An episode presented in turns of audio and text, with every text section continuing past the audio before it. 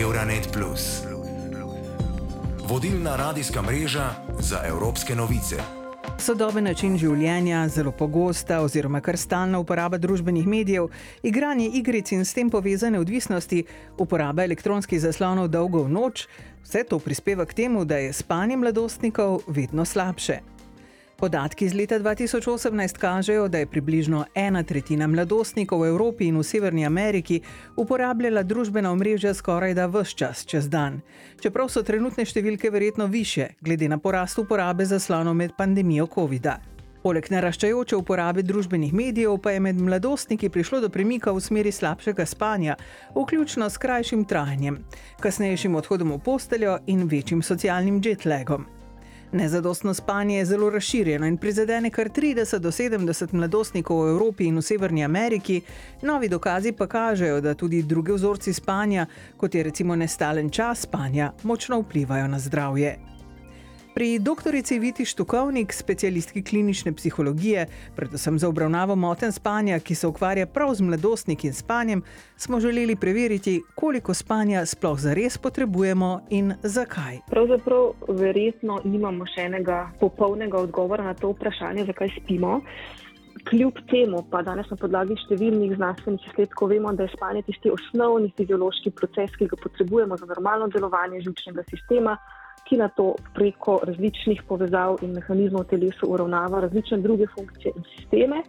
In še posebej v otroštvu in mladosti je spanje izjemno pomembno tudi za zorenje možganov, za nemoten kognitivni razvoj in za zagotavljanje duševnega zdravja je pa ogromno funkcij, za katere vemo, da jih spanje neposredno podpira, oziroma lahko pravzaprav rečemo, da v našem telesu ni nobenega sistema ali procesa, ki ne bi bil odvisen od spanja, oziroma ki ne bi čutil posledic pomankanja spanja. Je pomembna dolžina spanja ali bolj njegova kakovost? Koliko spanja potrebujemo? Pravzaprav je oboje zelo pomembno, tako sama dolžina spanja, kot tudi kakovost spanja, kakor tudi usklajenost uh, naših notranjih cirkadijalnih ritmov, se pravi uh, tega notranjega ritma budnosti in spanja, ki je biološko določen, z uh, zunanjimi ritmi, se pravi z ritmi, ki jih določa socialno okolje. In uh, rečemo lahko, da se pravzaprav naše potrebe po spanju tekom življenja spreminjajo, da se z leti seveda manjšajo. Otrok je že pred rojstvom veliki zaspanec, uh, da nima plod v maternici, spi praktično brez premora do nekaj tednov do poroda in če vse normalno poteka in se plodu dobro godi, lahko prespi tudi sam porod. Na to novo, novo rejenček po rojstvu prespi večino dneva, uh, na to pa se čas spanja postopno prične krajšati. In zdaj, koliko je tista optimalna količina spanja, ki jo potrebujemo v različnih starostnih obdobjih oziroma v različnih življenjskih obdobjih, je dokončno skušala odgovoriti skupina mednarodnih raziskovalcev z uh, področja spanja ki so leta 2015 proučili več sto znanstvenih člankov o povezavi med samo dolžino spanja in pa našim zdravjem, da nimo verjetnostjo, da zbolimo s telesnimi boleznimi, kot je diabetes, ali pa z duševnimi boleznimi, kot je depresija. In ugotovili so, da je optimalna količina spanja, ki jo potrebuje večina otrok v prvih šolskih letih, se pravi nekje do 13. leta eh, starosti, za optimalno delovanje razvoj za optimalno uh, zdravje, tam nekje med 9 in 11 ur dnevno. Mladostniki, najstniki, torej stari nekje od 13 let naprej, pa tam med 8 in 10 ur spanja. Torej, poprečno bi lahko rekli, da en tak uh, poprečen mladostnik potrebuje okrog 9 ur spanja na noč. In šele konec srednje šole, ko mladostnik postopno stopa v dobe mlade odraslosti, se ta potrebna količina spanja zmanjša na nekje uh, tistih minimalno 7 ur na noč, kar je potem tudi uh, značilnost celotne odraslosti.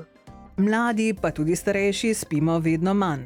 S tem se vsakodnevno srečujejo tudi strokovnjaki, med njimi tudi zdravnik Aleksandr Koroša, specialist otroške in mladostniške psihiatrije. Ja, v naši ordinaciji se uh, srečujemo s temi težavami, predvsem kot neko stanje ob nekih drugih duševnih težavah. Um, ponavadi so to težave ali z depresijo ali z, tesno, z izrazito tesnobo. Um, in mladostniki potem zaradi teh težav ostajajo po konci pozno v noč in imajo tudi težave s spanjem. Premalo spanja prinese v bistvu ogromno stvari, um, od tega, da je spanje povezano s tem, da takrat rastemo in če premalo spimo, tudi ne rastemo toliko, kot bi bilo primerno. potem je slabša odpornost na neke okužbe. Um, pride tudi do tega, da uh, smo bolj razdražljivi, da teže kontroliramo svoje impulze, da imajo težave s pominom, koncentracijo um, in različne druge težave. Tudi je znano, da je spanje zelo pomembno za duševno zdravje, tako da pomankanje spanja uh, poveča tudi ranljivost za uh, razvoj nekih duševnih težav ali celo motenj. Zato je treba poskrbeti za to, da spimo dovolj. Ampak ali lahko ob napetem urniku nadomestimo spanje čez vikend, morda pustimo tudi otrokom spati dlje? Klinična psihologinja Vita Štokovnik. Žal moramo vedeti, da se naspati ne moramo ne za naprej, ne za nazaj. Potrebno je, da vsak dan dobimo tisto optimalno, tako količino kot kakovost spanja. Pri slovenskih mladostnikih, kako tudi pri mladostnikih, lahko rečemo, širom sveta v zahodnih družbah vidimo, da je velik problem za zagotavljanje zadostnega spanca, še posebej preko eh, tedna. Na Univerzi v Mariboru smo denimo nedavno izvedli raziskavo na nekaj več kot 500 slovenskih dijaki, dijakih iz več uh, srednjih šol in ugotovili smo, da slovenski dijaki, da nimo spijo poprečno zgolj 7 oziroma slabih 7 ur na noč, nekje 6 ur in 42 minut na noč. In uh, ob tem je kar 77 odstotkov vseh mladostnikov povedalo, da spijo manj kot 8 ur spanja na noč. Se pravi, večina jih ne spi dovolj, glede na ta strokovna uh, poročila. Um, in seveda lahko se vprašamo, ne, kakšne so posledice na uh, njihovo zdravje. Zdaj, raziskave, da nima za Slovenijo, kažejo tudi, da se ta trend pomankanja spanja pri mladostnikih pravzaprav uh, povečuje, oziroma da se slabša. Uh, NJZ je izvajal več nacionalnih študij o spanju mladostnikov in ugotovili so, da, nimo, da je med leti 2014 in 2018 količina spanja mladostnikov uh, tekom delovnega oziroma šolskega tedna pomembno upadla in da jih vedno manj spi tisto priporočeno uh, dolžino. Količina spanja je, kot pravi dr. Štukovnik, močno upadla prav v času, ko so mladostniki začeli množično uporabljati pametne telefone. Tudi slovenska raziskava je pokazala, da večina slovenskih dijakov celo v zadnji uri pred spanjem uporablja elektronske naprave. Več kot 90 odstotkov jih uporablja, da nimo pametne telefone, tretjina jih uporablja tudi računalnike, mnogi tudi naprave za igranje igr. Ugotovili so tudi, da imajo tisti slovenski dijaki, ki uporabljajo telefon v zadnji uri pred spanjem, neposredno slabšo učinkovitost, kot tudi kakovost spanja in so preko dneva tudi bolj zaspani. Pedopsihiatra Aleksandra Krošo pa smo povprašali, kam se lahko obrnejo tisti starši ali seveda sami mladostniki, ki imajo težave s spanjem ali celo z odvisnostjo od zaslonov ali igranjem igric.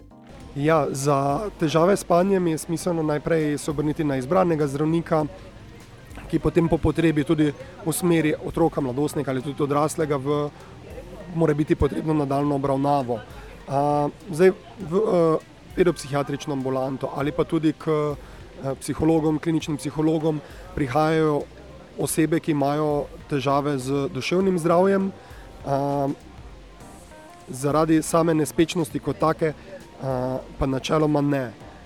V Sloveniji imamo tudi ambulante za spanje, zdaj za otroke in mladostnike to v celski bolnišnici, kjer obravnavajo tiste otroke in mladostnike, pri katerih so te težave zelo izrazite in vodijo do uh, razvoja novih težav. Spanje mora biti torej zagotovljeno v čim bolj enakomernem ritmu. Vsak dan ga mora biti dovolj.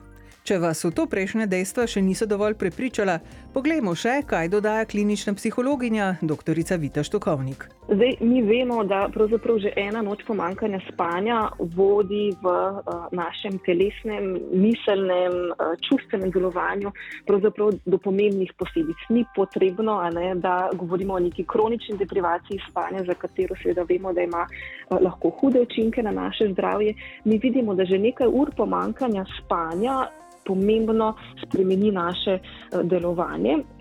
Eh, če govorimo, da nimamo o kognitivnem sistemu, že ena noč pomankanja spanja zniža našo uh, pozornost, teže se skoncentriramo, teže se učimo, teže prikličemo tudi tiste uh, že shranjene informacije.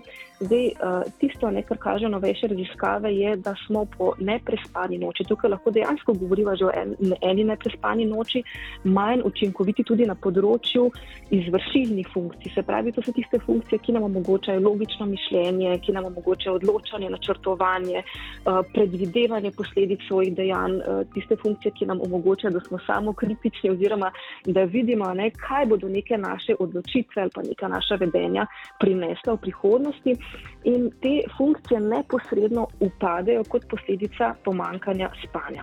Zdaj moramo pa vedeti, da so prav izvršilne funkcije tiste kognitivne funkcije, ki se še posebej intenzivno razvijajo med obdobjem pubertete in da je ključno za to zorenje dobro spanje, še posebej globoko spanje. Tako da pravzaprav pri mladostnikih lahko govorimo o dvojni škodi, če ne spijo dovolj na eni strani so torej že uh, sami po sebi, a ne manj učinkoviti zaradi tega nedozorenega uh, sistema zašilnega funkcioniranja, pomankanje spanja pa to še poslabša in kakšne so posledice.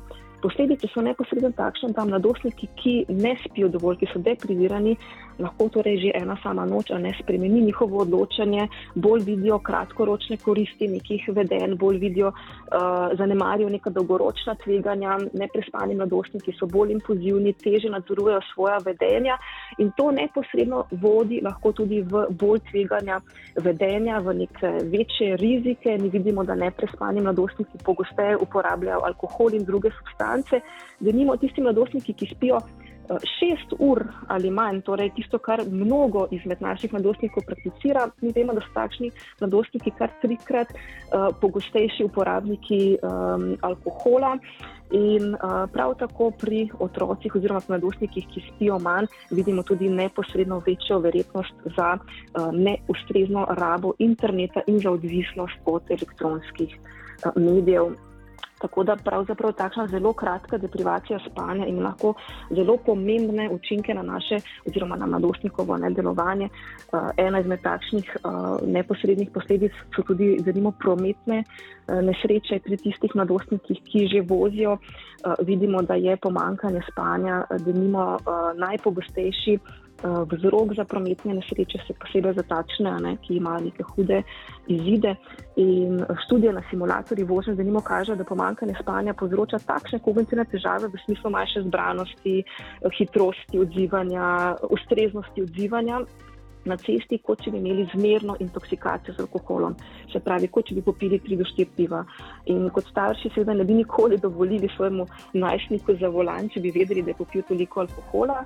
Kljub temu pa to ves čas počnemo, ko dovolimo, da sedejo za volan s premalo spanja. Tako da pomankanje spanja pravzaprav zelo poveča verjetnost za vsa ta tveganja vedenja, vključno tudi z prekomerno in neustrezno uporabo elektronskih naprav. Nezadostni in slabi vzorci spanja so povezani z nasplošno nižjo kognitivno zmogljivostjo in negativnimi posledicami za zdravje, kot so kardiometabolične težave, debelost ter simptomi depresije in anksioznosti.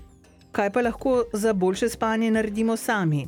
Pedopsihiater Aleksandr Koroša. Zagotovo se pred spanjem dobro izogibati vsem zaslonom, ki oddajo modro svetlobo, ki nas dodatno zbudi. Potem je pomembno tudi, da je prostor dovolj hladen, dovolj temen, v katerem spimo. In pa da, pa res, da imamo nek ritual pred spanjem. Ne? Ponavadi je to neka skrb za osebno higieno, potem pa priporočamo razne aktivnosti, ki ne vključujejo zaslonov, ali je to branje knjig, kakšna ročna dela, pogovor, v bistvu čist karkoli, toliko da je nekaj sproščujočega, umirjenega in da je čim bolj vsak dan isto. Umiren čas pred spanjem si zaslužimo vsi, zato elektronske naprave pustimo povsem na miru, vsaj kakšno uro, dve pred spanjem. Morda vam pomaga tudi sprehod, meditacija ali vaj čuječnosti, morda pa zgolj kakšen lasten način zaključevanja predolgega dneva. Euronet Plus za boljše razumevanje Evrope.